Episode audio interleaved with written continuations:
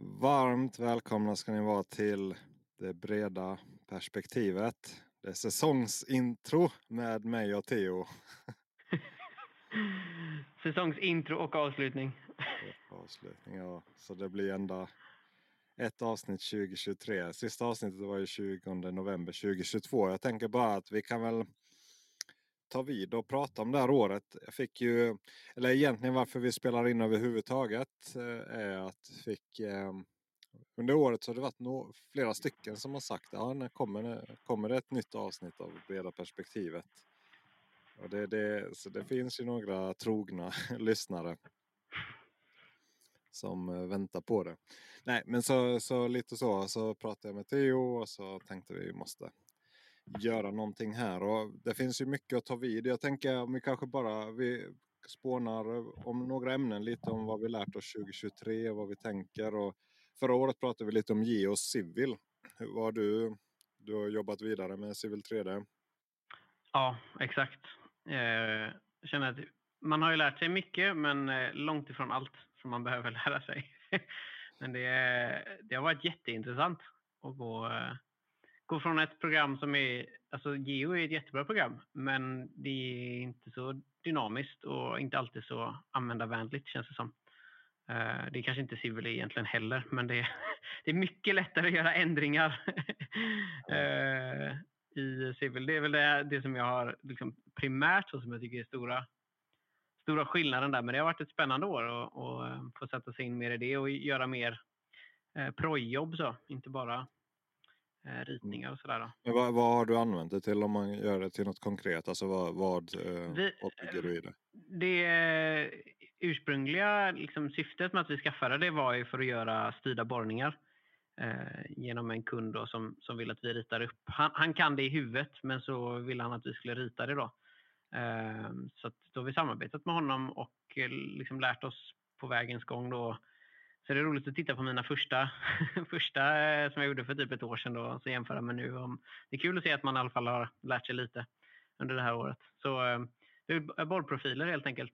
Eh, tagit in LAS-data och gjort en överyta och så eh, tagit in all befintlig, alla befintliga rör och ledningar och allt sånt där. Höjdsatt och eh, sen försökt göra en liten borrprofil efter det då.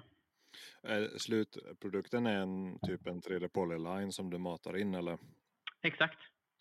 Slutprodukten blir eh, eh, dels en pdf då som de kan titta på, tycka, tycka till om och godkänna. Men för, eh, för liksom utföraren så blir det precis som du säger, det blir väl en L3D-linje eller en 3D polyline då som, som de kan eh, jobba efter. Då. Mm. Ehm, men så är det väl de... Ja, vad tycker du det blir smidigare då? Alltså vad är den stora skillnaden i på, liksom arbe alltså, vad, vad, tycker du är skillnaden då att gå från geo till Civil 3 när du jobbat med det? För, för den frågan kommer ju från flera. Alltså man, ja, man hör den frågan, eller jag hör den att ja, ska jag byta till det programmet, ska jag byta till det programmet. Ofta är det kanske som vi pratade förra gången, gräset är grönare på andra sidan. Men vad, vad tycker du liksom, den konkreta nyttan är? Var varför? Den, den, just när det gäller de här grejerna så är den största grejen är ändringarna. Alltså om, om vi får en revidering eller ja, men vi vill ändra, ändra slutgropen här, vi vill att vi kommer upp här borta istället. Då kan jag bara dra den här alignmentet liksom och flytta på det och eh, allting hänger med och man liksom inte behöver göra om. Eh, så som vi, jag, gjorde, jag gjorde det nog bara en gång i Geo, en eller två gånger och eh, om jag inte är helt ute och cyklar så behöver man börja om i stort sett från scratch när man eh, ska ändra på någonting. Du behöver liksom börja om med dina uträkningar och de här olika modellfilerna som man har i, i Geot. Då. Så jag upplever att det är mer designat efter att vara liksom ett levande, en levande fil helt enkelt som, eh, som det är nu. Alltså folk vill ha det fort och man eh, kanske inte alltid har tänkt igenom det 100% innan och då när man väl ser det så blir det så här, nej men så kan vi inte göra. Då måste vi börja om här och ändra på detta och detta. Mm. Då är det väldigt skönt att inte behöva börja om från början varenda gång. Du kan ju dra i alla liksom mm. i väglinjen för man ritar ju plan och profil och, och så får man ju en linje egentligen utifrån det. Exakt. Det är ju så gött att kunna projicera, eller ja, där ledningar korsar och olika. Mm. Och så, ja, det, det, det är väldigt bra. något som jag också som jag utforskar mer och mer som eh, är ett stort fan av det är ju alla labels och kunna skapa de här automatiserade eh, flaggorna. Liksom. För det jag gjorde så otroligt mycket, la otroligt mycket tid på det för att göra det manuellt. Sitta och skriva texter, lockhöjder, vattengångar, gjorde allt sånt manuellt innan. Liksom. Men att mm. kunna generera det nu och också då att det är det här dynamiska att okej okay, om jag flyttar på den här eller ändrar den här texten så uppdateras allting eh, som är kopplat till det. Liksom. Det tycker jag är grymt.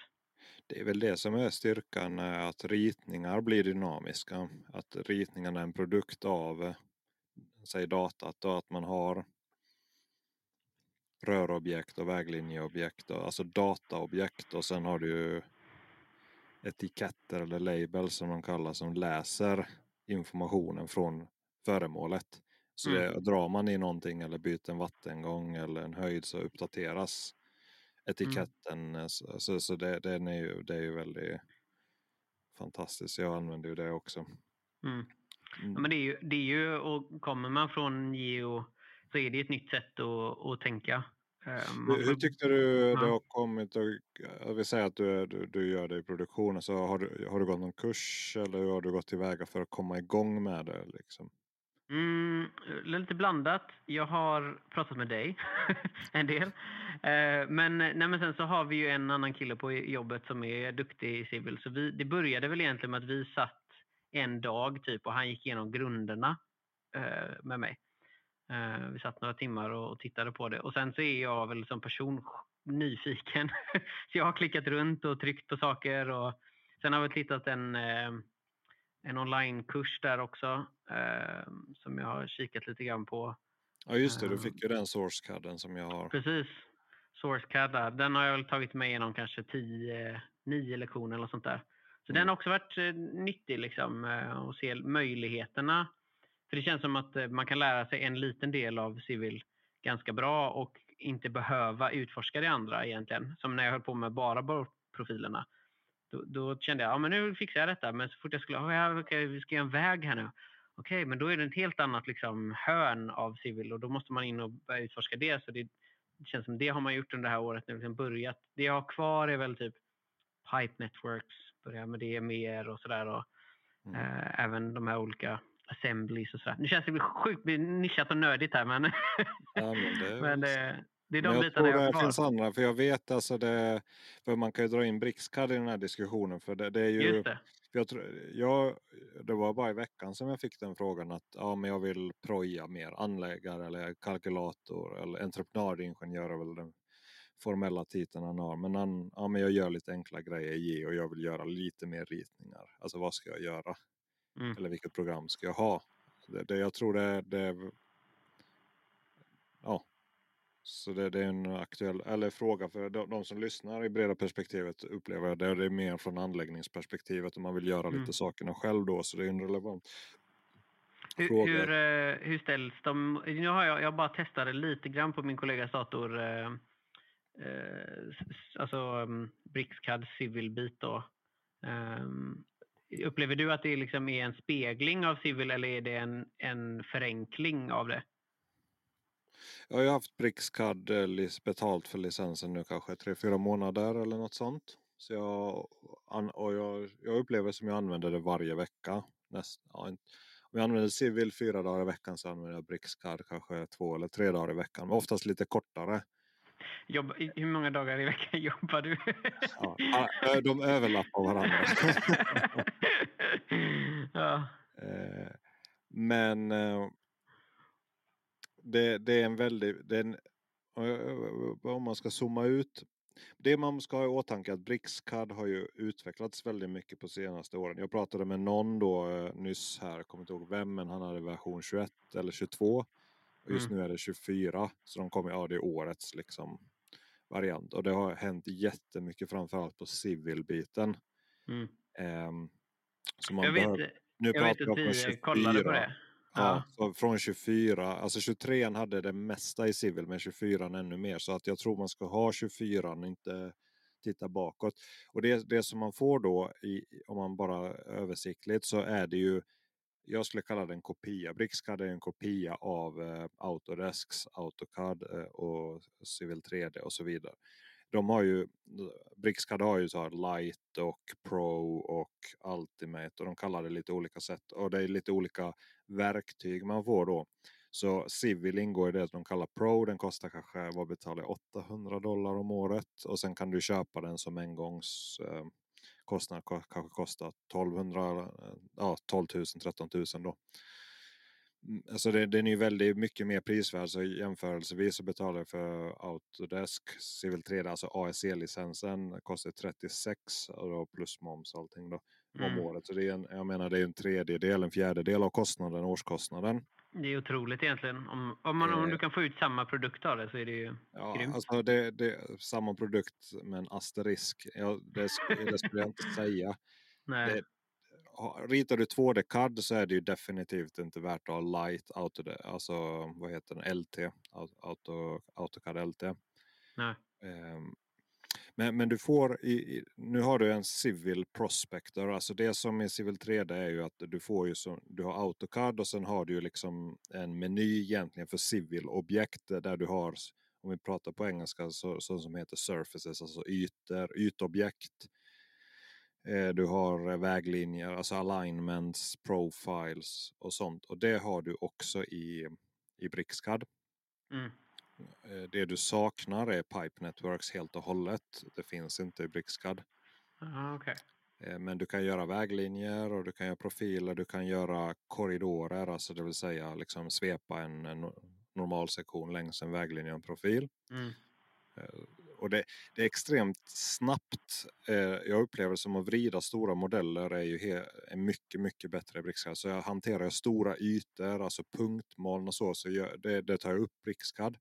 Mm. Och just från punktmoln så är det väldigt enkelt att göra en yta. I, i Autodesk-världen så måste du öppna det i Recap och processa om det till en RCP-fil och sen kan du öppna det i Civil och så är den fortfarande rätt så slö.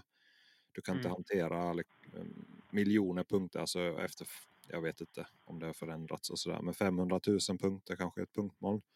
Mm. Medan i Brixcad så kan jag ladda in flera gigabytes punktmoln utan problem och den kan förenkla det till en yta ut, alltså utan större bekymmer. Mm. Du kan vrida det väldigt, väldigt smooth. Jag har LandXML-filer som är 100 till 200 megabyte som det märks inte ens att jag vrider på dem i 3D.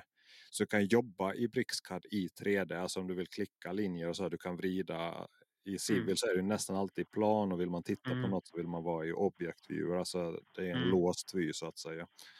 Så, så, att Brixcad framförallt för att hantera och titta på data och jobba i 3D är, är jätte, jättebra. Och du kan mm. lägga till grejer på ytor och bygga dynamiska ytor. Det, det stora, det jag skulle säga Hexagon som äger Brixcad, de, de utvecklar ju det. Och det känns ju inte som de fattar vad mark är på ett sätt bara. Det är väl det som är ah, okay. synd. Att de, till exempel att du kan göra så kallade gradings eller släntlutningar. Det vill säga du har en linje och så vill du slå, slå en på tre mot befintlig mark eller så. Och mm. Den funkar jätte, jättebra i Brixcad på det sättet att den kraschar inte. Den gör, den eh, gör det väldigt snyggt och snabbt och så. Men du måste skriva in det i grader. Mm. Vilket är, eh, ja, jag skulle ja, det är ju efterblivet liksom. Men det är intressant för att i Geo så kan du skriva in det i du kan skriva in det i procent och den konverterar dina siffror. När du trycker på enter så konverterar den det till grader.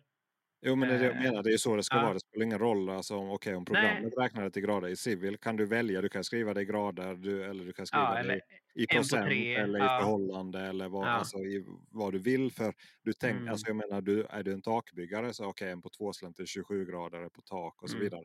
Man lär ju sig det där men alltså, man mm. bara märker, man pratar ju procent och förhållanden i mark. Så att du mm. inte ens kan ha det i programmet tycker jag det är ett symptom på att den som programmerade förstår mm. inte vad han håller på med. Eller Nej. optimerat. Och samma sak, de hade ju, de, jag kollar på deras eh, release-dag, de hade ju sina tal och sådär. Så demade de det och han som demade han, han visar ord så kan man göra slänt så här snyggt och så kallar han det för procent fast det är ju grader. Han matade in 50 grader. Det är inte alls samma sak som 50 procent. Ja, och, och det går igen så det är vissa småsaker man bara hmm, hur, hur, hur har ni tänkt här? Till exempel finns inte feature lines. Nähä. Vilket eh, för eh, den som inte använder Civil 3D, Featureline är som en 3D polyline, alltså en 3D-linje som du har verktyg att jobba med. Du kan lägga lutningar och du kan, du kan jobba med den väldigt enkelt. Egentligen är det en 3D polyline. Problemet är att i AutoCAD och i BricsCAD, alltså en 3D polyline kan du inte göra någonting med. Eller det är fel, det, det finns inga specifika verktyg för att hantera det utan du måste höjdsätta mm. nod för nod manuellt. Ett bra exempel på det är till exempel när jag eh, har höjds, fått underlag som inte är höjdsatt, typ elledningar och sånt där. Då har jag en färdig ytamodell och så höjdsätter jag, så gör jag om alla de här ledningarna till feature lines och höjdsätter två meter under färdig mark för att ha lite marginal. Mm. Så får alla en, en färdig höjd där utan att behöva gå in och göra nod för nod som du säger. Och det, det kan man göra i. Du kan klistra en 3D eh, ah, okay. mot en linje. Så det går att göra. Och sen i 3D-vy så vrider man den och så tar du linjen och snappa, slår på orto och så flyttar du linjen två meter. Så det går. Men det finns liksom inga streamlinade verktyg för att göra det. Ah. Så, att, så att jag skulle säga att 90% 95% av funktionaliteten finns där. Men den är liksom inte ah, den är inte streamlinad. Du, jobbar man med det dagligen du vill ha den här maxproduktiviteten så då ersätter det inte. Men jag har det som ett komplement för jag tar nästan alltid in mina punktmoln om jag, när jag börjar jobba med det in i BricsCAD och så gör jag en yta från den och sen spottar jag ut den som en land XML och så in i så fortsätter jag Civil 3D typ. Eller mm. samma sak IFC-exporten funkar ju väldigt bra där. Om man nu vill jobba med IFC-filer så kan både importera och exportera IFC-filer i, i BricsCAD väldigt bra. Eh, så, så det, det, finns, alltså det, den är väldigt, det den kan göra är den väldigt kapabel till. Men eh, det, den in, ja, det finns vissa sådana små begränsningar. Sen finns det, för i ärlighetens namn så finns det ju ett civil suit alltså det är, vad kallas det, Civil Design Suit eller något liknande. Det är som ett plugin till BricsCAD som löser egentligen allt det här. Den har Pipe Networks och allt möjligt. Mm -hmm. eh, men den kostar 30 000. Eh, så, så, att Engångs eller års? Ja, det är nog engångskostnad. Då. Mm -hmm. Men jag har inte testat den men, eftersom jag har Civil 3D. Då.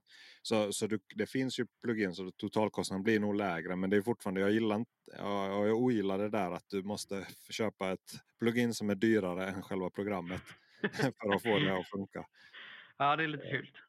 Men, men, men alltså du kan bygga modeller. Du kan, alltså till exempel en entreprenör som gick min kurs då, han har BricsCAD då, så han tar ju punkter som i sina nyckel, eh, nyckelhöjder. Alltså han sätter punktobjekt och så skriver han in dem och så ändrar han på dem och sen, sen ritar han en 3D-linje mellan de här punkterna och snappar mot de här punkterna. Och på mm. det sättet blir det höjdsatt och så lägger han dem till en yta och gör en maskinmodell och matar in i sin maskin. Ah, okay. Det var hans sätt att komma runt och det funkar ju men det, känns, alltså det, det tar emot lite om man har smakat på något bättre. Men det funkar mm. ju definitivt till en väldigt låg peng. Så att ska du bara ha ett program då är det just nu så tänker jag att en entreprenör antingen köper du typ Moba Design Tool, alltså det är egentligen mm, webbtjänst där du kan vrida in pdf-er och hantera och vill du ha lite mer DVG-hantering så måste du ha ett CAD-program och då är det ju BricsCAD. Då. Så man kommer jättelångt med det. Mm. Och vill eh, BricsCAD fortsätta utvecklas så kan de kontakta dig. Nej men det fortsätter utvecklas så det verkar ju som att koordinattransformering är på gång. Ah, okay.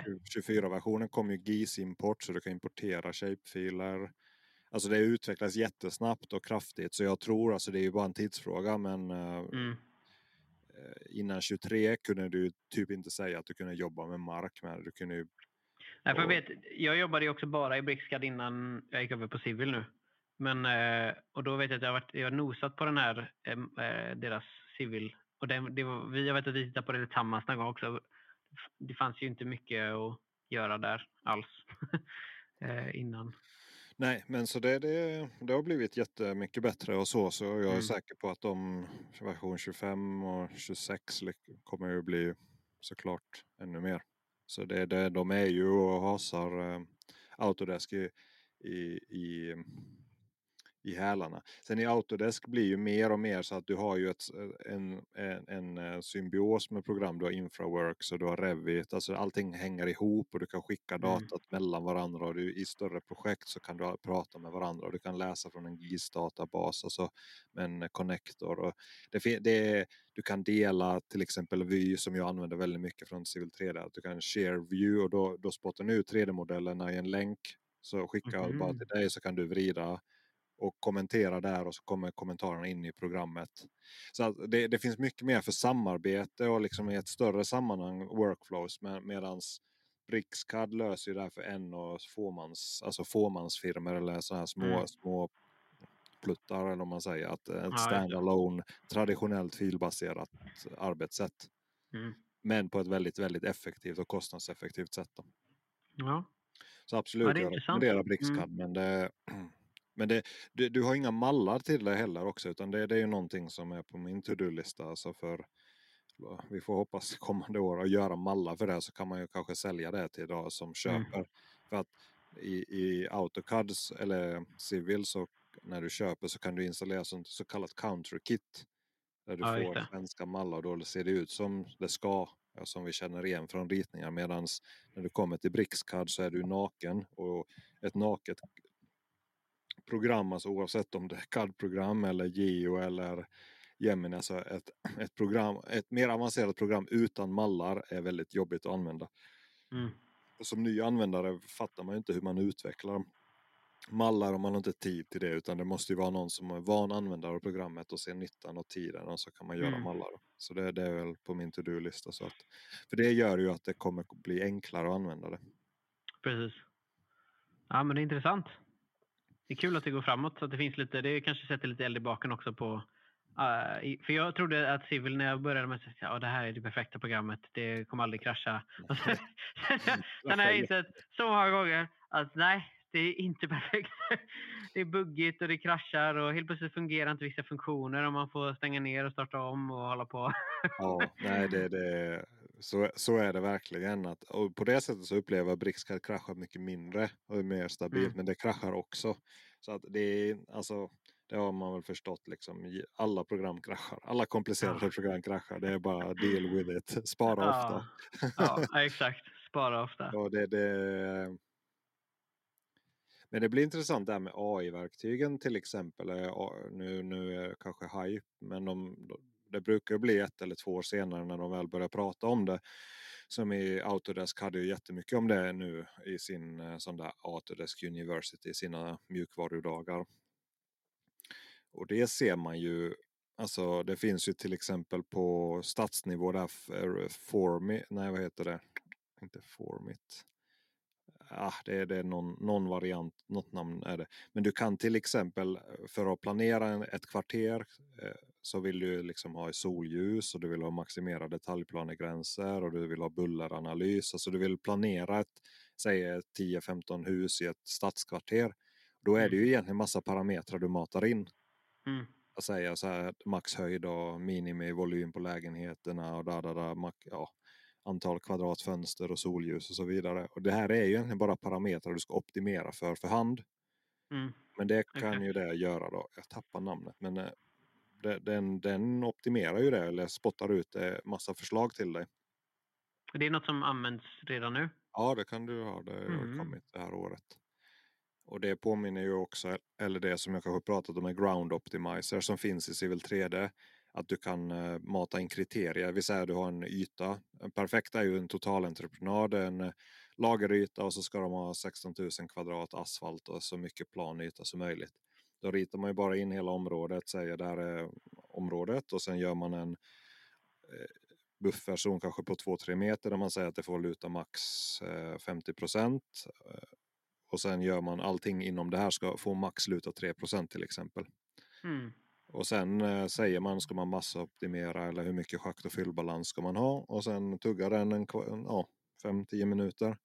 Och så har du en, eh, en höjdsatt modell. Som förslag och som uppfyller kriterierna eller så säger den att jag kan inte lyckas med de här kriterierna och så visar den vart det är problemet. Och det är ju en, det kanske inte är AI maskininlärning men det är en algoritm som tuggar. Och egentligen Alltså, så det är ju någonting som finns och har funnits två, tre år så jag använder ju det ofta då. Eller ofta, men eh, passande projekt. Mm. Så det är ju imponerande. Men, men jag bara tänker hur mycket infrastruktur egentligen är en, en väldigt optimeringsproblem bara. Du har kriterier, du ska få in maxyta Mm. till minimala kostnader. Kan du bara definiera de här parametrarna så kan ju liksom ett program bara försöka göra det åt dig. Och Mm. säkert bättre. Så det, det kommer ju säkert att göra en massa markprojektörer arbetslösa. Det är jag helt... Eller förändra deras arbetsuppgift. Att, att hantera de här programmen. Mm. Och sätta upp reglerna och så vidare. Jag tror det, det känns som ett jättestort skifte i, i eh, AI-biten. Liksom. Mm. Om, om det implementeras mer och mer i byggbranschen så är det jättemycket ut, säger, uträkningar och parametrar. Precis som du säger nu, man fyller i massa parametrar för ytor och sådär. Och det är det man gör nu fast man måste göra själva jobbet manuellt också ju. Ja, Det- och det är ju egentligen att du kan ju beskriva det för hand. Mm. Alltså så här tänker jag, det är det här jag tänker göra nu och det är det- här jag försöker uppnå. Och sen testar man och försöker uppnå det så långt som Mm. Så det, det är ju givet. Att, till exempel finns ett företag som heter Testfit som jag ser på LinkedIn hela tiden. De, det är någon eh, software sådär, startup. Men de har ju framförallt till hus och rumsplanering och sånt. Men de, har också, de visar också för parkeringsplatser. Alltså du ritar in där ytan ska vara parkeringsplats. Och så optimerar den bara i realtid. Du drar i polygonen så ser du hur parkeringsplatserna flyttas och optimeras så att Mm. den får ja, så många som, eller efter de storlekarna som du har bestämt och vägbanebredd och sen kan du ha liksom grönzoner och sådär. Och det är jätteimponerande. Du bara drar i polygon så uppdateras allt det här och så Mm. får du maximalt antal parkeringsplatser. Nu Mm. tror inte den, den höjdsätter inte. Så att du, alltså, det är väl det Ah, som okej. inomhusfolk tänker att all marken är platt då. Så jag tänker, Mm. jag vet inte riktigt hur den löser det där. Men, men det är ju bara en tidsfråga. Ja. Att de här stora mjukvarugiganterna plöjer ju ner pengar i det. Så är det om du kan verkligen. generera en bild på en katt från eh, i AI så kan du väl generera fram en parkeringsplats och en eh, kabeldragning som är optimerad. Alltså ja, jag, Mm. jag tror det där kommer ju Mm. förändra ja. branschen. Fem, om fem år ser det helt annorlunda ut. Så jag, och jag tror så för mig själv då som enmans eh, figur är ju att en, en person kommer ju kunna göra mycket mer. Alltså du, du kommer behöva kunna mer. Som idag kan du redan programmera, alltså göra parametrisk design. Eh, Mm. Typ i Dynamo och så vidare. Men att en, en få, få personer kommer kunna göra mycket mer. Så jag, jag, Mm. jag inbillar mig att större firmor, alltså de storkonsulterna som har väldigt många juniora, där kommer det bli en utmaning att ett, ett Mm. fåtal seniorer kun, kommer kunna göra jätte, jättemycket mer jobb än, än det här traditionella, än att dra upp riktlinjerna. Mm. Och sen får kanske mer juniora lära sig att göra det. Och det, det där, så vi kallar det grunt work eller eh, ja, men, de här massa timmarna, det, det kommer, tror jag, det är väl en lågt hängande frukt förutsägning att det där kommer ju förenklas bort i, i och med Mm. att programmen blir smarta. Mm. Det var intressant. Frågan är, tror du projekteringstiden kommer bli kortare för större projekt och sådär också? I och med detta? Ja, jag kan inte säga om samhälls, samhällsmässigt. Alltså, jag, det som kommer att tänka på är att det är inte ofta det som tar tid. Ehm, Jag pratade med det här ett par år sedan med en vägprojektör. Det var när vi mätte för Trafikverket där när vi jobbade ihop. Mm. Han sa att bara 10% av hans tid går till att faktiskt proja en, en väg. Mm. Alltså resten är ju dokumentation, eh, ja, Mm. följa processer, det, det, du ska akta någon groda och titta på någon svamp. Och, Bygga groddammar. Ja, nej, men alltså, ja, det är ju lite sarkastiskt eller sådär, men, men det är ju miljö och det är markreglering och det är ja, servitut. Och, alltså det, du har ju massa andra faktorer som påverkar. Det är inte bara det tekniska att dra en väg. Nej. eh, som påverkar. Men, men absolut att det egentligen är det ju inte en väg jättekomplicerad. Jag tror ju definitivt att det kommer ju gå snabbare. Alltså ett program, alltså det är ju, du har ju VGR, du har ju kravställningar som egentligen är publicerade som du ska tillämpa på ett eh, unikt markprojekt. Mm. Och alla parametrarna, du ska ju försöka hitta den billigaste lösningen utifrån det som regelverket godkänner. Det, det är ju som upplagt för att en dator ska kunna lösa det där åt dig. Mm. tänker jag. Jo, sant. Det är väldigt sant. Eh, Det ska bli spännande att se vad, vad som händer. Ja, Det går ju sjukt fort. ja. Nej, det är väl en annan... En... Någonting som jag tänker AI man gärna får bli bättre på är, det är ju hantera punktmoln. Det, det lär Mm. väl komma, det, det, det händer ju jättemycket på den fronten. Men det har jag hållit på med det här året också, att um, extrahera data från punktmoln. Så det Mm. Är någon som behöver hjälp med det så vet ni vem ni ska ringa. Nej, det är skittråkigt. nej, nej, men det, det är rätt så tråkig uppgift faktiskt. Men, men det, är, det är förvånansvärt för mycket tid det tar. Alltså till exempel om du ska ta en bergmodell och göra det. Mm. Man tänker, ja vi bara flyger med drönare. Mm, jag vet inte, jag, eh, jag gör ett sånt jobb kontinuerligt. Mm. Inte flygandet utan behandla datat och få fram en, en triangulerad modell från berg från en flygning. Men du måste klippa bort alla vattenpölar, du måste klippa bort all skräp, alla, ja, alla fordon och liknande. Klart eh, de här automatiserade klassningarna att plocka bort en hel del men nu är det en rätt så stor bergmodell jag håller på med kontinuerligt men det tar ju lång tid att sitta och bara Mm. rita, rita, rita. Så rita linjer, klippa punktmoln, Mm. eh, ta ut eh, nödvändiga information. Eh, det är väldigt manuellt. Och det, jag ser att det, det finns flera sådana AI-program och liknande men det, ah, det, du måste fortfarande klippa det manuellt. Då. Ja, för det blir, någonstans måste du kunna granska det och veta. Liksom, eh, den gör ju bedömningar också och det, känns, det är det som kan vara lite läskigt med alla sådana här AI-tjänster. är att Hur, hur bedömer den? Vad klipper den bort? Vad tar den med?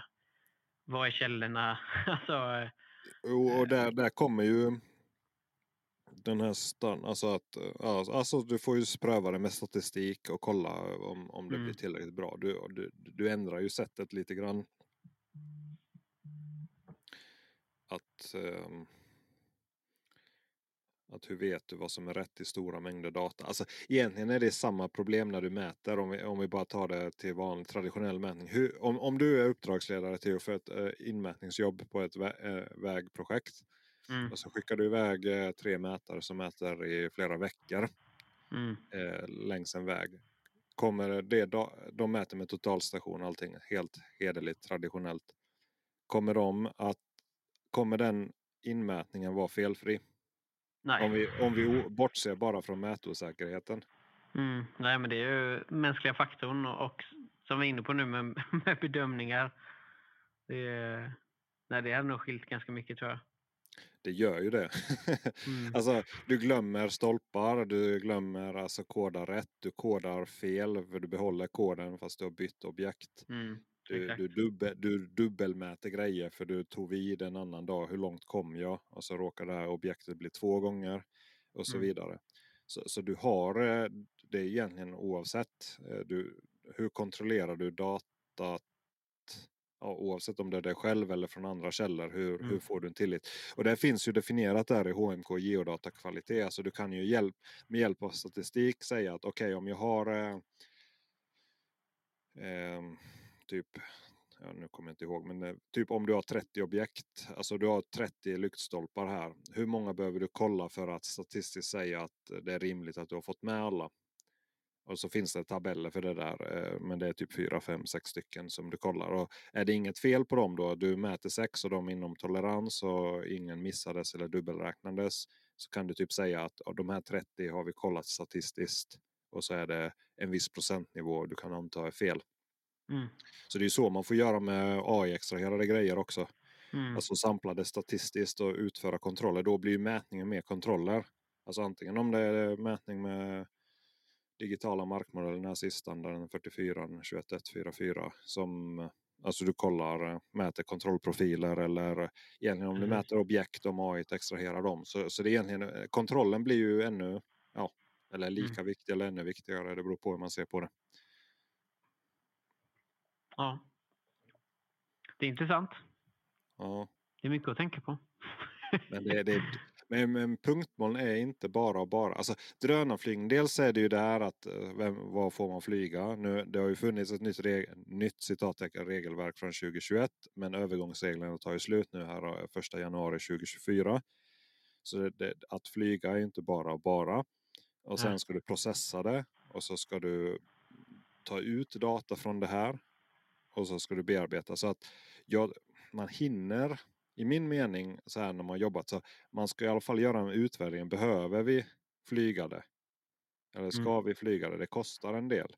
Sen är ju ortofotot är ju värt väldigt mycket. Att du ser fram, framdrift i arbete och du kan jämföra. Så det, det är värt mycket. Men alltså den här modellen. Jag vet, vi, vi, vi testade ju det någon gång. Du mätte in en hög med pinne. Och jag tog mm, den från drönar, drönarflygning. Alltså det var ju en hög på ungefär en, en limpa med av, avbaningsmaterial på runt 55 000 kubik om jag minns det. Det är ja, rätt så stor hög. Den var ju typ 200, ja, jag vet inte, 200 meter lång mm. och ja, 5-10 meter hög ish, alltså rätt så bred 20 meter. Nu, jag vet inte om de mm. måtten går ihop. Det. Men det är något sånt liksom. Jag tror du mätte det på två timmar, gjorde en terrängmodell mm. och skickade till mig. Medan den flygningen, nu fick vi med oss den flygningen för vi flög på annat så, men eh, om du bara ska skicka ut någon och dit flyga, sätta ut GCP, processa det, extrahera det. Det tar ju 6-8 timmar. Mm. arbetstid. För körtiden är mer eller mindre samma. Alltså på den tiden de har satt ut GCP har du mätt in halva den högen. ja, det är faktiskt sant. Ja, så, så, att, så, så att eh, visst, du får inte med det du inte får med. Eh, du har bara det du mätte. Medan med mm. drönare mm. så får du en bild av det, hur det ser ut. Du kan alltid gå tillbaks i tiden, se vad, om det fanns något annat i närheten och så vidare. Så det är inte så, men, men, men det, det, är inte bara automatiskt, oh drönare är automatiskt bättre. Nej. Särskilt inte tänk... om du ska lita på det. Nej, Därför att där tänker jag också, när jag sprang runt och mätte där så mäter man ju hög och lågpunkter och man kör ju ner stången, eller stå, ja, stången liksom eh, på den faktiska marken det, det blir också, alltså visst du får ett tätare punktmål men varje punkt är ju värd mindre antar jag än eh, om du går och mäter det själv. Ja, verkligen. Ehm, jag hjälper till på ett projekt, en gammal tipp i Stockholmstrakten. Mm. Så där har de flugit med fotogrammetri. Men det är ju flyget i juni och senare också i och för sig. Men och titta, alltså, ja, men för att få en modell där är ju starten för schakt och fyll då. Och så ska man göra lite åtgärder för det. Jag ska inte specificera så mycket mer. Men vad, hur, hur ser det ut i orörd mark i juni månad? En mm. grästäckt mark. Du har ju, mm. hö, alltså, du har ju halvmeter högt mm. gräs mm. överallt. Ja, och så har du buskar och du har skräp. Det är en gammal, ja, obearbetad yta då, som du ska bearbeta. Det, det, är ju inte överytan. Eller det är ju överytan vad fotogrammetrin tolkar men det är ju inte marken. Så, så att, och så tog jag då LIDAR-data från Lantmäteriet och då var det från 2021. Över det området och så gör jag en yta från det och så gör jag en tvärsektion. Och då ser jag att det diffar ju minst 30 cm upp till 60 cm. Så jag tror, jag ja, säger att 35-40 cm i snitt. Utan, jag har inte gjort riktigt färdigt än, men det är ju första observationerna. Det mm. diffar mm. ju jättemycket. Och så mm. har du en yta på flera hundratusen kvadrat. Ja. Det är ju tiotusentals kubik som det diffar i volym. Mm. Så att eh, du, du, det är ju... Du måste ha rätt data jag vet som på en, en deponi som ni flyger så har ni ju synkat det med gräsklippning. Att, att då slår de, slottrar de ytan och sen flyger de typ i, ja, i samma veva. Då minimerar man ju det fel men det är fortfarande säkert 10 centimeter eh, mm. fel. Och, och, om du ska jämföra sättningar på, med någon meningsfull eller liksom om du har 10 centimeters osäkerhet då kan du inte säga något tre, tre tre gånger osäker, mätosäkerheten, där börjar du liksom kunna säga någonting signifikant. Mm. Så, så att um, pin, ja, RTK är ju, har ju sin osäkerhet men det är fortfarande den bedömningen du träffar marken på ett helt annat sätt. Sen är ju mm. lidan mm. bättre då. nu vet man ju inte den lantmäteriflygningen hur bra den är då men, men det jag har sett från LIDAR-dataset när man får det den, den har ju den här penetrationsförmågan, hitta luckorna mellan gräset och så. Så de lägsta punkterna blir ju en mycket bättre representation av marken än de eh, fotogrammetrin. Sen är fotogrammetrin jättebra på hårdgjorda ytor och grus och mm, mm. Ja, där du faktiskt med ögat kan visualisera vad som är över ytan. Ja. Ja, det är så, intressant. Nej, så drönare rätt, rätt verktyg till rätt grej. Mm. Det är ju det det handlar om hela tiden. Det är ju så. Vad har varit en utmaning under det här året då? Jobb, jobbat för mycket. Eh, jag har ju velat komma in på mina utbildningar och det har jag gjort. Ja, egentligen har jag ju i och för sig jag har ju brandat. Jag har ju fått loggan och utvecklat den. Och så har jag tagit hjälp några, två dagar i veckan med lite, inte marknadsföring, men poddklippning och allt sånt där. Och, man, man och försöka komma igång med kurser och sådär. Men mm. så har jag ju tänkt att man skulle kommit längre än man har kommit nu. Mm. Men eh, utmaningen har varit att avgöra vad ska man tacka nej till eller jag har inte tackat ja till all eh, så här eh, kontinuerlig projektering och mät, mäta utan mätutrustning. Mm. Alltså volymberäkna och maskinstyrningsmodeller och liknande. Och försöka göra kurserna. Mm. Så det, det, har väl varit utmaningen skulle jag väl säga. Försöker hitta balansen helt enkelt. Ja, och så har vi fått barn. Hon är två år nu så det, det börjar ju kräva mer. Och... Mm. Så det är, det är väl det som är hitta vad man ska skära på. Så det får väl på något sätt är väl det här konsultandet som, som behöver skäras på. Ja, vad är... Ju... Ja, förlåt. Nej men det har varit roligt. Jag hade ju lite livekurser. Du gick ju en av dem då. Så, mm, precis. så det, det kändes bra. Så nu är det väl att och nu kan man ju faktiskt köpa den här digitala kursen på hemsidan. Då. Så det är inte så många som har gjort det än men jag har inte riktigt tryckt på det heller. Så, men det ska väl bli det. Det är nice. Vad, Vad tycker du om kursen? År? Ja, jo, ja, jo, precis. Uh, jag tyckte den var eh, väldigt lärorik. Jag tycker att det är, det är, det är väl det man saknar många gånger om man kanske inte har gått jag har inte gått skola för att lära mig detta och jag vet inte om man får lära sig det i skolan heller men att få bra arbetsmetoder. Eh, liksom hur man jobbar strukturerat och i rätt ordning och sådär. Jag är lite, eh, kan vara lite tankspridd ibland. så jag börjar i olika ändar och så, just det, nej, vänta, jag ska börja där och så, så att bara få på papper liksom att eh, börja på detta sättet och göra så, lite hur man ska tänka och sådär. Eh.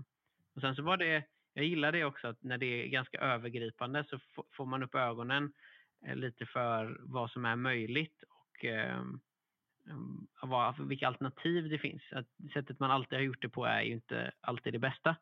Även om man mm. kanske inte alltid ska hålla på och ändra på hur man gör saker och ting så, så är det bra att få lite perspektiv. Mm. Nej, men det, och det är väl en, jag tror ju det att, jag hoppas jag har identifierat rätt målgrupp, men jag märker det att det är många anläggare, de vill ju göra det här själv. För mm. Även om du har någon som är annan som är duktig, alltså vi säger du har en jättebra mättekniker som kan göra det åt dig, säg på samma företag också, så är det ju beroende av deras schema. Då måste du synka, du måste överföra, okej okay, jag vill göra så här och så här, så de här mm. lutningarna, mm. de här premisserna och vi ska ta hänsyn till ditten och datten och så. Och så ska den andra ha tid att göra det och så ska missförstå dem lite och så ska det synka så att du blir mm. beroende av någon annan. Mm. Och idag är det inte så svårt. Alltså de flesta entreprenadfirmor har nog eh, ett gäng GPS du kan mäta med själv om du vill mm. eller så köper man sig en. Så att det handlar om att lära sig bygga de här modellerna. Jag tror det, det, det finns mm. många där ute som är nog i den sitsen. Jo, det tror jag också. Jag tror hade jag varit eh, hade jag varit gått som anläggare själv så, så hade det varit en enorm ögonöppnare att gå den här eh, kursen för att, för att fatta allt som, som man kanske normalt sett bara ringer någon annan och ber dem göra. Mm. Att få lite insyn i det. Att okay, ja, men det är så här det funkar. Och det, så, ja, det blir lättare att göra en bra beställning också. Sen kanske man inte hinner göra det själv men du kan mycket lättare göra en, en bra beställning till en mätare eller projektör eller sådär. Um, känns det som. När man vet lite mer vad det handlar om. Ja, jag tror det blir avmystifierat också. att alltså Då blir man inte så kanske lika förvånad när man vet vad fakturan innehåller. Mm. Att man, ja, exakt. har någon form av verklighetsuppfattning. Vad är det som ingår in i det här? Mm. Att, Annars blir det en väldigt svart box. Att var, varför tar det två timmar den gången och 16 timmar den gången? Mm. Ja, exakt. Ja, men så det, ja, det var en bra kurs. Nu vill man ha fördjupningen bara. Vilket år som helst. ja, exakt. Vilket årtionde. Ja. ja. Men, men på tal om det, jag tror vi pratade privat lite om det här med tid och tidsuppskattning av jobb. Mm. Du hade lite eh, reflektioner. Ja, eller var det, tänker du på det med att göra lite ändringar och sånt där? Ja, men och, ändringar ja. och GC, du hade någon GC. Ja, just det, det var det vi pratade Ja, exakt. Ehm, det, det blir ju lite improviserat många gånger tycker jag. Och jag sitter väl kanske också lite i fel ända. Man får ju sällan vara med från, från start eller från första början. Så i och med att man sitter på en mätfirma och gör lite proj då. eh, Så blir man kanske mer inkopplad i utförandefasen liksom. Så ja, det exemplet nu var en GC-bana där, liksom, där vi skulle... Det var någon som hade gått lite på känsla och satt ut lite käppar och tyckte att här blir det bra. Och sätta den här banan och sen så ritar vi upp efter de inmätta käpparna då. Och eh, då var det för rakt och så skulle vi gå tillbaka och ändra och så gjorde vi en modell då och skickade över till maskinisten och så började han köra på den och så kom beställaren ut och tittade. Ah, nej, jag vill att det ska gå närmare vattnet här nere och vi vill att det ska vara tvärfallet ska gå uppåt i backen istället. Det ska vara dike på den. Ja, okej. Okay. Det visste vi inte heller från början. Så varje sån här grej, liksom, jag tror vi gjorde om den kanske tre eller fyra gånger. Eh, varje sån grej kostar ju lite pengar, och, men det känns som att man kanske tänker att man gör man gör det, ska göra det liksom, i någon slags gratis jourtjänst sen, att det ska uppdateras och underhållas. Eh, men, men det blir ju inte så i verkligheten. Det, det kostar ju lite pengar, för det tar ju mycket tid. Ja, varje, varje ändring kostar ju nästan, ja inte lika mycket, men alltså det, det är ju en, ja, om det kostar två, fyra eller åtta timmar varje grej mm. man ska göra, det beror på hur stort och sådär. Mm. Här skulle det ju optimeras också, det, fick, det skulle vara handikappanpassat så det fick inte falla mer än 5% och så fick det inte ha, eh, och så skulle det vara så, så fin massbalans som möjligt då.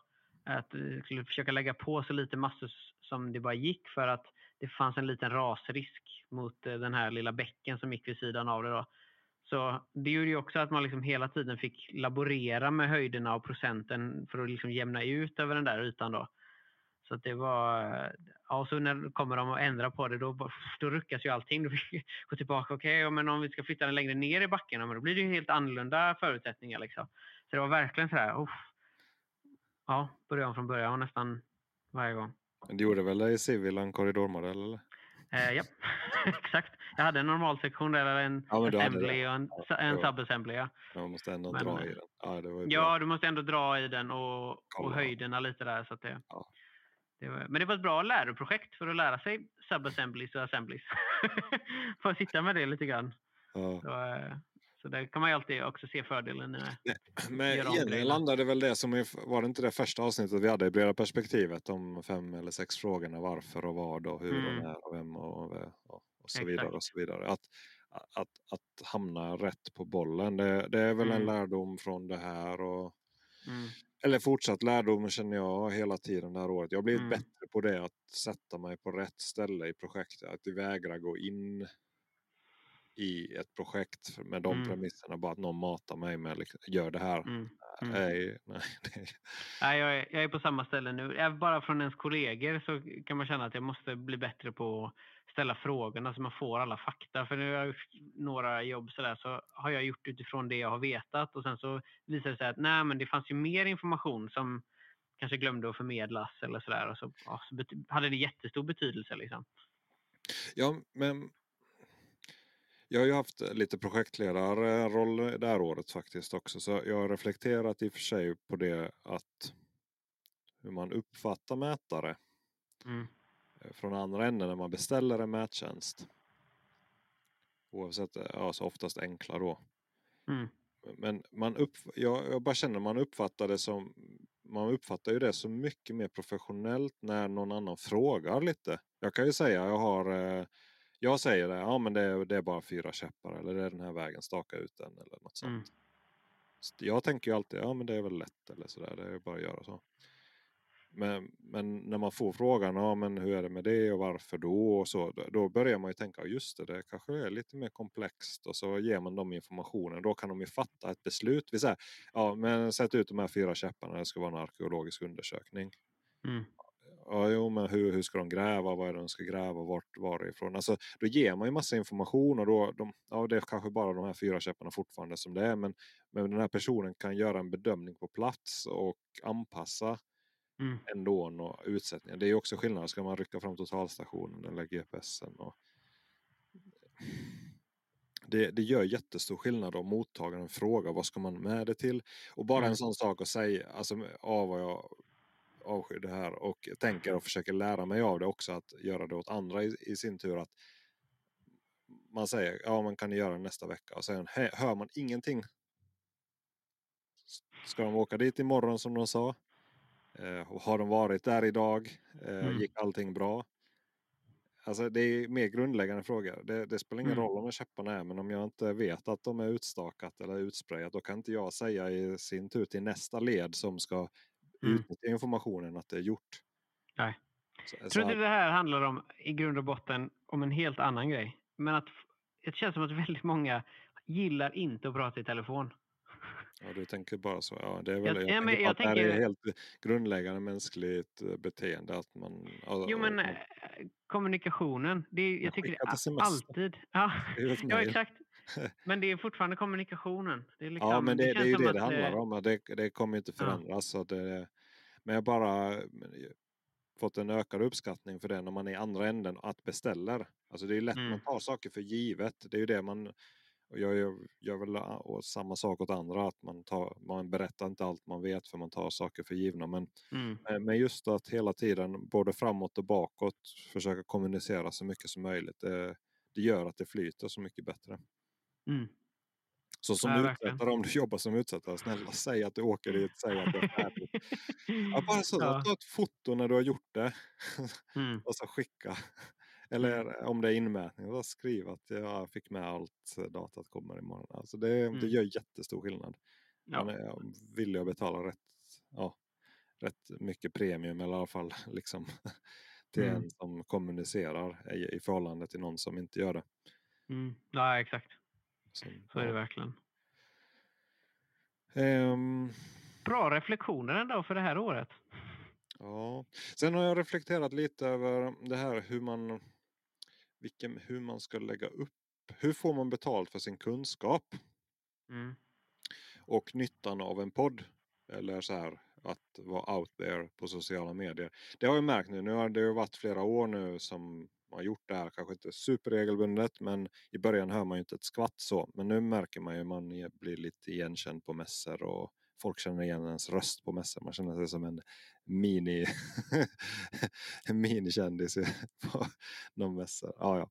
Men, men, men nu har jag fått lite jobb på det så jag är ju tack så mycket. Det, är nog från den här podden mer som lyssnarna har kommit. Men att eh, ja, men man, man, det blir ju en, en sån här effekt. Ja, men han verkar ju veta vad han håller på med. Och sen kommer det någonting i deras företagsliv då som ja men där skulle vi behövt hjälp med och så ja men jag ringer landskapan och så har man kunnat göra ett samarbete där så där, det har blivit flera nya kunder på det sättet. Men det som är en det är ju en, några jobb har ju varit så här rent, ja, gör maskinmodellen, gör en volymberäkning och så. Men, men fler har varit så här, ja, hur gör jag med min GPS? Hur gör jag det här i mitt program? Hur gör jag det här i Geo? Mm. Hur gör jag det här i ditten och datten? Så jag har hjälpt dem, man bara pratar med dem och så säger, brukar jag säga efter en timme eller sådär att ja, ska vi fortsätta med det här så kanske då får vi göra det över Teams så vill jag ta Mm. betalt löpande och sådär. Brukar gå bra. Och det gör jag gärna. Men, men på något sätt att gå över. Jag, jag har inte riktigt hittat modellen än men någon form av supportavtal att ja, för en summa i månaden, typ 5 eller 10 000 i månaden. Det beror på vem som är kunden. Att man, för, för det blir inte om jag, det blir ju ofta så här när man ringer så ja, det, ja, det är jag, sitter här i en grävmaskin. Hur gör jag nu? Min GPS funkar inte. Mm. Och de kanske redan har ringt supporten, eller det är inte GPSen som inte funkar, men hur gör jag här, den här volymberäkningen i Geo? Och då ringer de inte Geo-supporten för det är ju mer ett projekt, eh, projektspecifikt Mm. problem då. Och då hjälper man ju dem gärna men samtidigt så är det ju, man puttar ju dem, honom framåt i sitt projekt. Mm. Och han sparar ju väldigt mycket på det. Men hur, hur man gör det så att det blir känns rättvist i bägge ändar. För jag kan känna ibland att man blir sådär eh, man blir jour på ett annat sätt. Mm. Och det gör, jag gillar ju att prata så jag, många som ringer och man pratar om ditten och datten och så här, Men när det blir ett kontinuerligt behov men att få någon form av upplägg på det där som är vettigt. Jag har inte riktigt kommit på det mer än löpande. Men generellt så känns löpande prissättning väldigt kast. Så det, det har jag försökt sluta med så mycket som möjligt. Att försöka mm. gå över till fasta projektpriser. För då blir ju inte den effekten som du var inne på tänker jag. att man, man hamnar rätt på bollen då. För då blir det bägges intressen att att det blir rätt. Alltså om, om, om du betalar löpande till mig så vill du ju att jag ska använda så lite tid som möjligt på det. Så du bokar inte in mig på projektmöten. Jag får Nej. inte prata med beställaren. Du säger det rätt så koncist. Medan om, om jag tar ett fastpris av dig så är, ligger ju mitt intresse att göra det så snabbt som möjligt. Mm. Och då pratar jag och säger jag, jag måste vara med på de här mötena. Det, det kostar inget extra för dig jag, jag tar reda på grejerna på ett annat mm. sätt. Och då, jag tänker att eh, nästan allt annat i livet köper man ju på fastpris. Du går inte till affären och ja men eh, vad, vad kostar smöret? Ja det beror på hur vi jobbade på fabriken. Ja. Eller en bil, ja. du köper ju den för ja, antal hundratusen. Det spelar ingen roll om de handputsade lacken Ja, då kanske den kostar mer. Men att du, du, har en, du har ett erbjudande. Här är ett pris, här är mitt pris. Är du intresserad mm. av det så köper du den. Är du inte intresserad av den så köper du den inte. Medan eh, tim, timpriset blir väldigt flummigt. Och, det, och, och, hela branschen, alltså konsultbranschen, och är ju fast i det träsket. Alltså, ja men kan du gå ner en tia? Ja men jag kostar 810 spänn när jag sätter ut eh, istället för 825. Mm. Men vad, det, vad är skillnaden? Alltså det, du får ingen kvalitet. Vad säger de om kvalitet? Vad säger de om hur lång tid det tar? Och mm. så vidare och så vidare. Så att eh, timpriset är ju väldigt dåligt mått på, på någonting. Hur, hur, ja. Nej, men bara som exempel som vi säkert pratat om. att Jag kommer ihåg när jag började göra maskinstyrningsmodell. Man kanske satt två dagar med en modell som idag tar mig säg bästa av världar två timmar. Då. Mm. Alltså, vissa saker är man ju kanske nästan tio gånger snabbare med. Ja. Eh, men ofta fem, tre, fyra, fem gånger snabbare än man är för kanske fem år sedan. Mm. Och vad är, vad är värdet? Timpriset har inte gått upp, det har kanske gått upp 50 procent. Mm. Eh, inflationen är i och för sig 20 procent av dem. Men alltså det är kanske bara 30 procents skillnad på 1200 spänn i timmen, 800 spänn i timmen mellan två ytterligheter. En jättebillig mättekniker och en, kanske en dyr mättekniker. Kanske någon hundring till då, i extrema fall. Men att effektiviteten är ju natt och dag Alltså mm. du kan ju inte jämföra det. Så att jag tycker det att, att få ett fast pris. Det måste... Du tar ju en risk ja. men samtidigt så får du ju belöningen också om du gör det på ett vettigt sätt. Ja exakt. Jag tror det Ja, när allt går bra så är det nog skitbra. med fast men, vad, men, ja. men tänk så här, vad, vad menar du med gå bra? Nej, men att inte, att du inte stöter på massa problem och saker och ting tar väldigt mycket. Alltså om kalkylen blir fel och du räknar på att okay, det här jobbet ska ta en arbetsvecka och så visar det sig att den tar tre för att det blev, har gått fel. Då måste du ta höjd för det, eller hur? Ja, men vem lider för det då? Det är ju bra för dig, men kunden då? Ja, kunden eh, får in... Ja, i och för sig. Ja, jo. Vad är det för alla, alla lider ju. Ja. Han alltså om du tänker det från kundens ja. perspektiv. Mm. Inte från dig. Om du bara fakturerar. Ja, men, för det, det, det är också någonting som jag börjat avsky. Så här, när man frågar hur lång tid tror du det tar? Jag vet inte. Det är färdigt när det är färdigt. Mm. Ja men tar det en vecka? Tar det en månad? Jag vet inte. Mm. Hur kan du inte veta hur lång tid det tar? Nej, ja, nej, det är sant. Det, är sant. det ger ja. inte ett seriöst intryck. Alltså när du, jag har haft det med, ofta med grävmaskinister. Hur lång tid tror du den här schakten tar? Det 100 meter? Jag vet inte. Mm. Det beror på vad vi hittar i backen.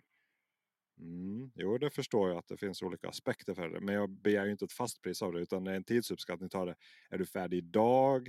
Nej det, nej, det är du inte. Det är 100 meter gör jag inte på en dag. Är du färdig om en månad? Nej, det är jag inte. Nej, men en vecka kanske är rimligt. Ja, men då kunde du ge en uppskattning. Mm. Mm. Att, men, men att samma sak, alltså om, om, om någon kommer och frågar hur lång tid det här tar dig för att mäta. Jag vet inte. Men jag kostar 850 spänn i timmen. Mm. Alltså, det, vad, du, du, du, an, du utger, utstrålar ingen professionalism. Nej, nej, det är sant. Det är sant. Och, och, och om du vet hur lång tid det tar men du missbedömer det med en faktor på två, då vet du inte hur lång tid det tar. Att ska, ska, den, ska hela risken hamna på kunden? Nej, det är väl klart. Nej. Alltså, i, I din värld då, om man ju bara drar det till sin extrem, då, då tjänar du som konsult, säg att du är nu är mätkonsultägare här och du har tio gubbar. Vem, vem kommer du tjäna mest pengar på? Han som gör jobbet jättesnabbt och jättebra eller han som, kommer, han som tar väldigt lång tid på sig på ett projekt? Löpande så är det ju exakt. Men gubben. Det, Ja. det, blir ju det att okej så, så är det ju okej till någon viss gräns så säger kunden stopp och nu är det nog och vi måste ha någon Mm. som kan vad de håller på med. Men att eh, det, själva incitamenten blir ju fel. Mm. Att klart, alltså om du uppskattar att det kostar 100 timmar och det tar 200 timmar då är det ju du som har gjort en felaktig uppskattning av kostnaden. Du har tagit höjd för fel saker. Mm. Men sen finns det ju ätor. Alltså precis som när du har en bygd, det där ingår inte.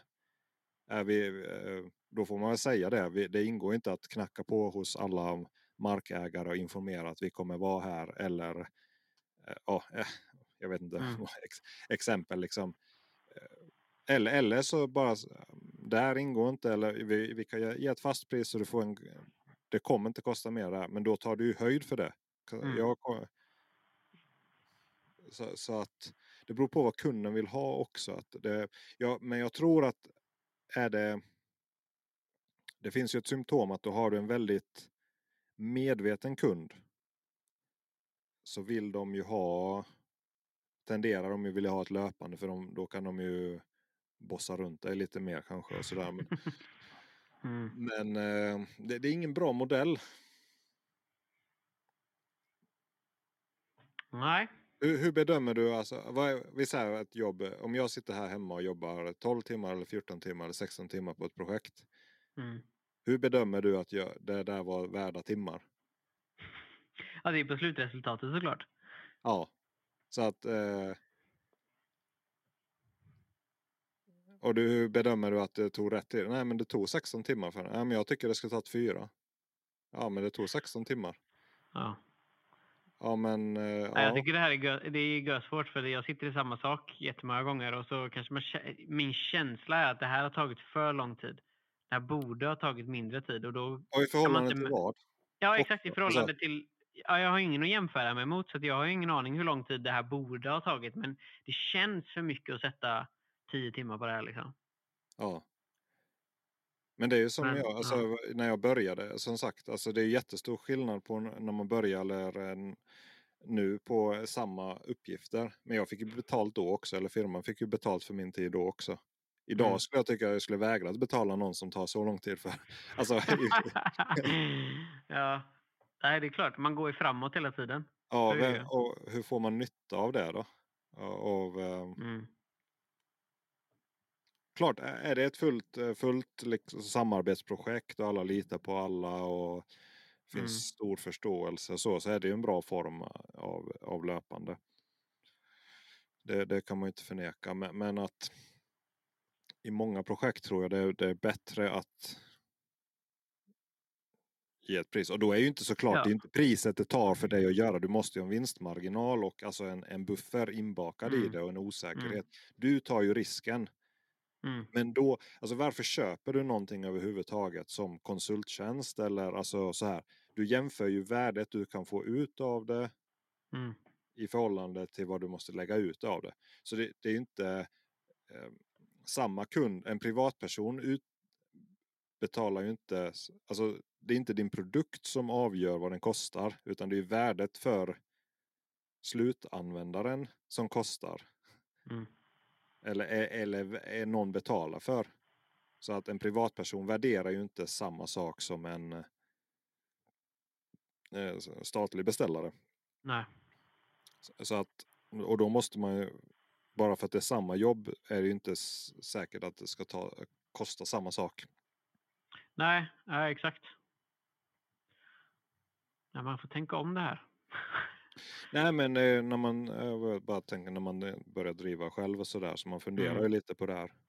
Mm. Hur man, hur man lägger upp det. Så det, det Men, nej, men vi, jag vet, vi har pratat om det på, eh, på jobbet också. Att eh, för vissa saker, det blir också så, jag sitter ju bara inne och gör eh, alltså modeller och liknande.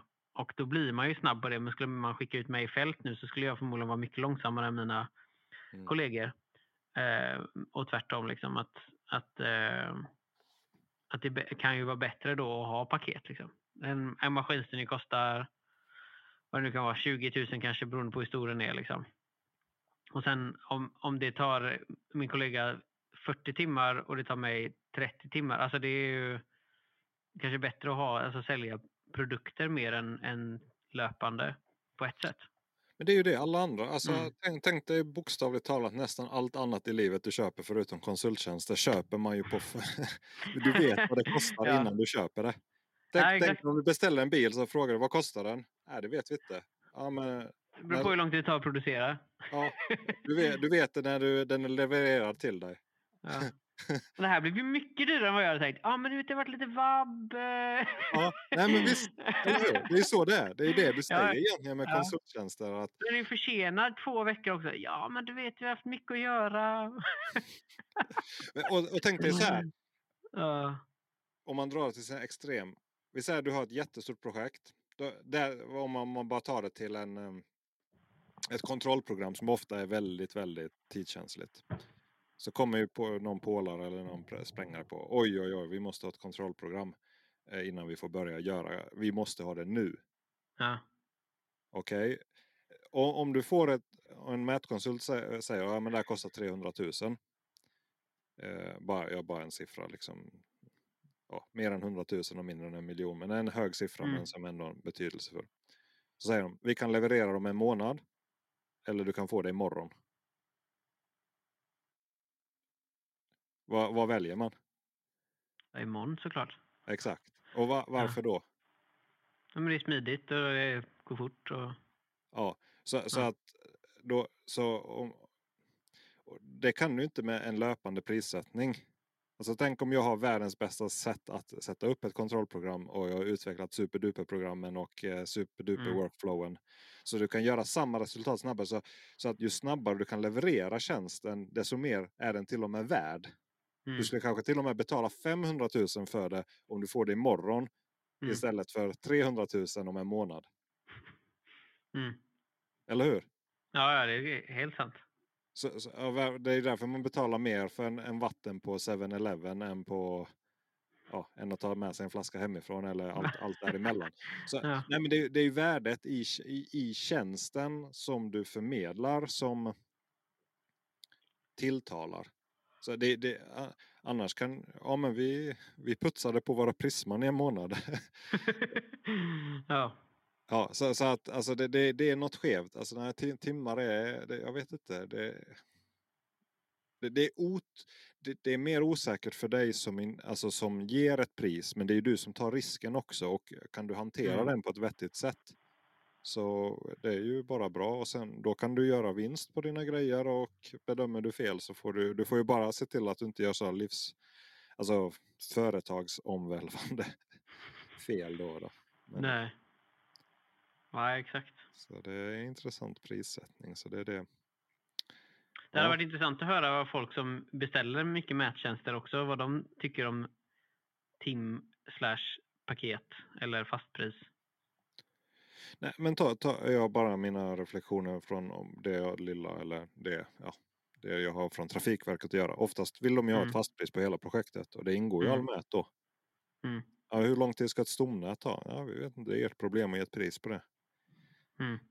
Att det, det är ju inte, det är ju svårt att räkna exakt men du kan ju ofta avgöra, tar det en månad, tar det ett halvår? Alltså, Mm. du kan ju sätta det i ballpark. Okej, du kan inte säga att det tar 149 timmar. Eh, Men du kan säga om det tar 200 timmar eller om det tar 400 timmar av rent erfarenhetsmässigt. Så du kan ju bedöma det på olika sätt. Eh, men Trafikverket har ju ibland så ram, ramavtalsprojekt och då har de löpande prissättning. Mm. Men då är de ju som hökar. Då ska du lämna in dagbok och så ska, de, ska det stå vad det, du har gjort varje dag och så ska du, ja. Och då ligger de ju och piskar dig. Alltså då, och då Mm. ligger det ju som konsultens intresse för ofta en låg, lägre timpeng där att skriva upp till åtta dagar. Det här tog åtta timmar, det här tog åtta timmar, det här tog åtta timmar, tog hela dagen. Och så Mm. försöker du dubbeldippa det då genom att göra något annat också under den dagen. Och det är ju väldigt svårt då som, då kanske Trafikverket har, ja, ja men det tar åtta timmar. Men då gjorde du sju timmar, gjorde du sex timmar. Alltså du har ju Mm. en, en spänning där i som du inte riktigt kan lösa dig ut, utan att som det blir att du, lägst pris vinner. Alltså där, nu var Mm. det här innan pandemin men 2019 då var det ju en konsult där i Göteborg. 650 spänn i timmen tog de som projektering. Oj, det var lågt. Alltså det, det, medan an, annars kanske, jag vet inte, som då när vi jobbar kanske man låg på 800-900 som projektör. Mm. Så, att, så att, vad, vad gör de med sina timmar? Ja, de, Ja. antagligen på något sätt så skriver de upp dem då. Eller Mm. avrundar, avrundar uppåt till, till den grad man kan. Så det, det blir ju ett kon, konstigt konstiga incitament när du har löpande Mm. också på, i, ett, i en större skala. Då. Får, man får ju ingen bra uppfattning om hur lång tid det egentligen tar. Det är Nej. jättesvårt att Så visst, det avgöra. Och, eh, nej, men som en mängning också. Så att arketypiskt exempel. Jag och Pontus pratade om det ju något på, eh, i Mätpodden i något avsnitt där om. Det är ju ett värde. Alltså säg att jag som mängdare då kan hitta, eh, äta. Säger jag hittar typ mer berg eller in, in, inte bara för att det var mer imme. Men jag kommer på en, en, ja, en skrivning i mängdförteckningen som är fel. Eller, eller hittar något uppenbart. Om jag gör det på mina 16 timmar jag, det tar mig att sätta upp modellen. Är det, är det värt 16 timmar om jag hittar en äta för 2 miljoner? Mm. Det är det ju inte. Eh, Så, så i vissa uppgifter i, blir ju helt plötsligt helt frikopplade från tiden det tar att göra rörelserna, koppla ihop grejerna, klicka, definiera rätt ytor. Det handlar ju om att ha en hjärna som säger att hmm, så här kan vi göra, där kan vi klassa det så här och så här. Det här är inte med, den här är en skarv. Då hade ju nästan, jag tänker, man kunde, det finns säkert en, man skulle kunna vara en mängningsfirma som bara tar betalt i procent av ätor. Jag tror det, jag vet nu jag har inte räknat på det, men jag, jag tror Nej. nästan du skulle kunna gjort att jag mängdar ert projekt eller gör, hjälper er med kalkyl mot någon form av eh, ja, provision eller procent av X. Mm. För du, du, då kopplar du det till värdet. Mm. Exakt. Och så så det, det har jag ju tänkt. Alltså jag, idag gör jag ju eh, anbudsmängningar eh, mängningar på löpande band. Eh, det är ju mellan 5 och 15 000. Det är ju väldigt typiskt. Om det är någon som vill ha det så skriv det. Det, det tar en halvdag eller en dag. Men det, det gör jag ju på fastpris. Men, men jag är inte riktigt där än. Jag skulle vilja koppla. Kunde man gjort så att det skulle varit så mer lockande. Säg att man kunde erbjuda. Jag gör det gratis med den här premissen. Mm. Det, det funkar inte att göra det gratis och sen få betalt om de får jobbet. För det, det, det blir, man tappar för mycket på det och då blir det en så pass stor summa då. Som man Ja. går miste om. Men, men någon form av, ja, Ja, det är nog ingen dum idé. Är det någon som har ett upplägg på det så säg till så. Exakt. Nej men det, det är en, eh, alltså en, en transaktion ska ju vara värde för bägge parter. Det går inte bara ut att jag ska fakturera mina timmar. Utan det, det ska ju vara att du känner att du fick ut en bättre produkt än du skulle gjort det själv Mm. för de här tiotusingarna. Att jag värdesätter det du gav mig mer än de här pengarna jag skulle lagt på något annat. Mm. Men det är, ju, det är ju det vi har pratat om många gånger. Man vill komma dit att man får betalt för det man vet och inte bara det man gör. Eller hur? Ja, och, och, och med en viktig asterisk. Alltså, det, det du måste veta rätt grej. Du måste identifiera på något sätt vart producerar jag värdet. Mm. Det hjälper ju inte att jag är världens bästa knypplare om ingen vill betala för min knyppling. Ja, den här trasmattan tog mig eh, två månader att göra. Eller hur? Alltså en hobby, Ja. bara för att jag vet hur man gör en viss grej och eh, att jag kan lägga massa tid och göra en jättebra produkt av det betyder inte automatiskt att den är värd heller. Utan den, du måste, man måste koppla det till någonting som tillför värde hos Ja. eh, och mäng, eh, mängder är ju ett typiskt sånt exempel. Alltså en maskinstyrningsmodell är ju en grej, det är, men det är ju fortfarande det är ju nästan en commodity eller en, en eh, mängdvara. Så det tar ett visst antal timmar, sen kan du ha ett spektra av det. Någon som är duktig och någon som är inte så duktig på det. Så, men det, det är ju inte, ja, det är samma slutresultat. Du tolkar ett gäng ritningar till en triangulerad modell. Och Sen ska Ja. den vara rätt. Men eh, en... eh, Ja. Det, det, ja, det lär vi ju vara lite mer funderingar på det. Har vi, Mm. är det något annat 2023? Som, eh, Om som man, man ska säga. Som man ska säga om året. Ja. Något tekniskt bra som har hänt det är att QGIS hanterar punktmoln. Det kom i somras. Mm. Att du kan eh, transformera punktmoln i Senkugis eller är det 3.30 eller något liknande. Så du kan både transformera dem och extrahera markklasser och liknande. Så det, det tycker jag har varit smidigt. Så man laddar hem det här skogslida datasättet som kommer i TM och så transformerar om det. Och klipp, klipper, transformerar och extraherar klass 2, alltså markpunkterna. Så spottar ut det i ett punktmoln och så tar man in det i Brixcad och så gör man en yta av det. Så har man något att jobba med. Det, det, det är ju en sån där workflow-förbättring ja, det är ju gött. som jag har haft. Det har kommit lite mer kortkommandon i Geo. Det är ju alltid trevligt. Ja, ja var inte Geo, de släppte en ny version. Ja, man kan importera pdf-er. Det är ju rätt trevligt. Slippa steget och dra in dem i Geo, eller i CADen först. Ja, du Eh, får, just det, du kan få linjer nu ja. Ja, exakt. Vektor, eh, vektor och raster pdf kan man väl importera tror jag. Ja, det, Det är ju, det är ju rätt trevligt faktiskt, eh, får man ändå säga. Det var ganska mycket uppdateringar där i den senaste Geo, men jag har inte hunnit sätta mig in i, i allt riktigt än.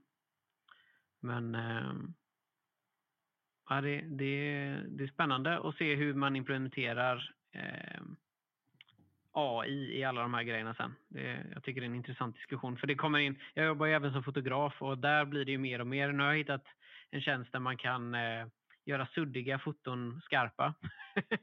så om man har råkat få, få fel fokus och sånt där. Eller om man tycker att en bild är för smal så kan man bredda den och så generera den innehållet Det- där. det- Och det, då tänker man bara, okej, när kommer det här in i, i våran bransch? Det är ju känns inte som att det är långt borta. Nej, det där är ju... Ut...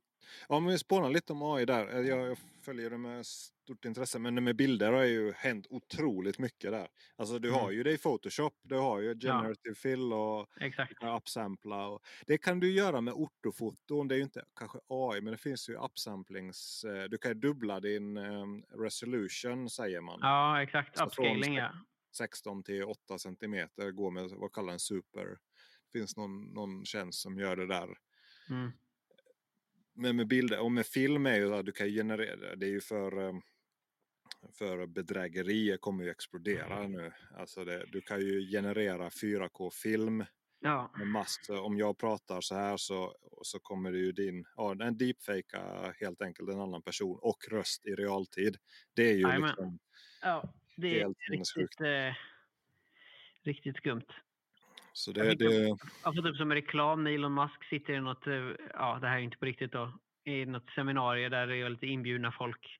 Man hör ju på rösten att det här är inte, det är inte är han, men det är ju väldigt, eh, alltså är du inte lite kritisk så går det gå på väldigt mycket. ja det där är ju, det kommer ut varje vecka kommer det nya grejer med de Mm. där AI-modellerna. Eh, Och du kan animera någon en bild, alltså har du en bild Mm. på en person så kan du animera dem till vad som helst. Eh, Mm. Ja, det går Men- ju någon men- kampanj här nu också om, om eh, ett barn som eh, de, föräldrarna har lagt ut massa bilder på då, barnet när det är litet. Då. Och sen så sitter de på någon biograf där och så spelas det upp när deras dotter då är, är typ vuxen och att liksom den har kunnat generera hur hon ska se ut. Och, ja, det är det man bara, man får vara rädd om sin information nu.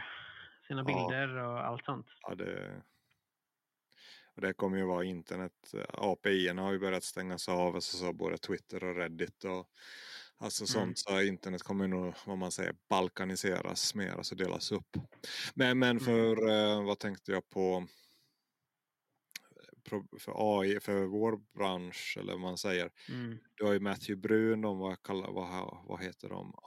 De har ju någon AI-tjänst som de identifierar till exempel parkslide eh, och olika objekt då. Eh, Ja. Typ sprickor i väg och ja, sånt. Det, det gör de ju i produktion nu.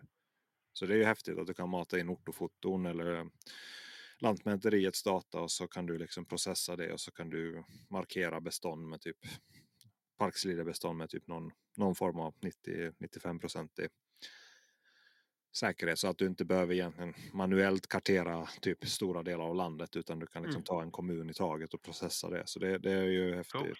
Så, så det, det är ju framförallt på Sånt är ju på stadsnivå eller kva- kvartersnivå uppåt. Alltså den lilla världen, alltså byggarbetsplatsen och anläggningen. Mm.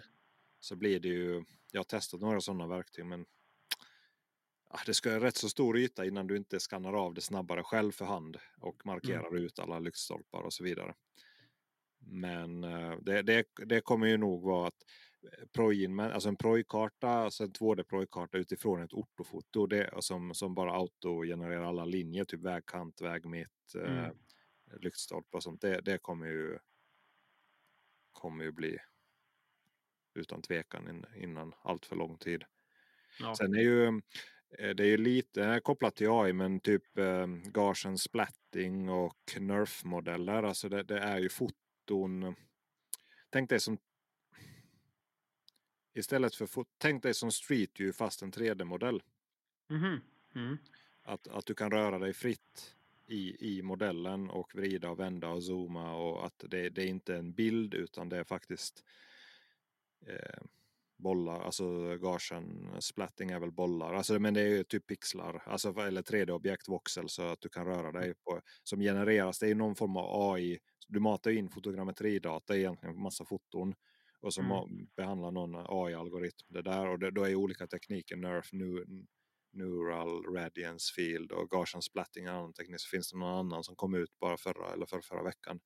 Men det, det, du får jättebra 3D-information. Det ser väldigt, väldigt bra ut i förhållande till fotogrammetri. Alltså det tar, det tar mycket kortare tid och du får mycket häft, tätare objekt. Jag har, inte, jag har inte sett någon testa noggrannheten i det, alltså för 3D-information, tänk dig volym eller man kan Mm. plocka ut information för den. Men för navigering, alltså för visualisering, är det ju helt stört bra. Mm. Eh, Så det, det tror jag, det är väl att, att kunna jobba i VR, alltså att göra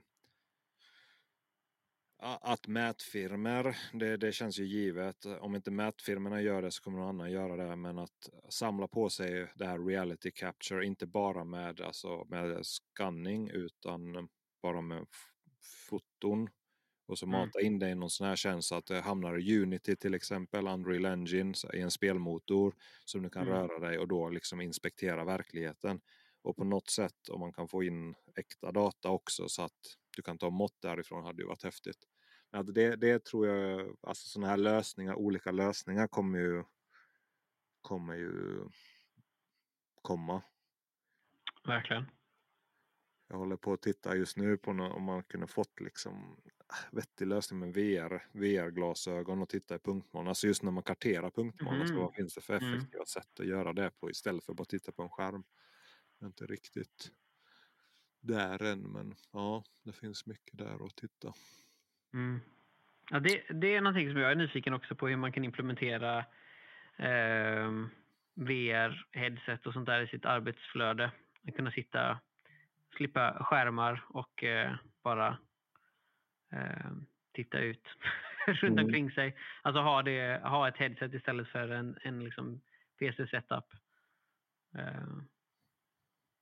Ja, det Ja. finns en del folk som testar men det är, det är fortfarande det är good-ish Mm. är det.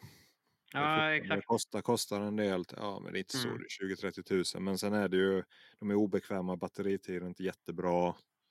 Det, ja, men eh, man får väl se den här Apple när de släpper det så brukar det ju vara Mm. massadoption är ju nästa steg där. Ja, exakt.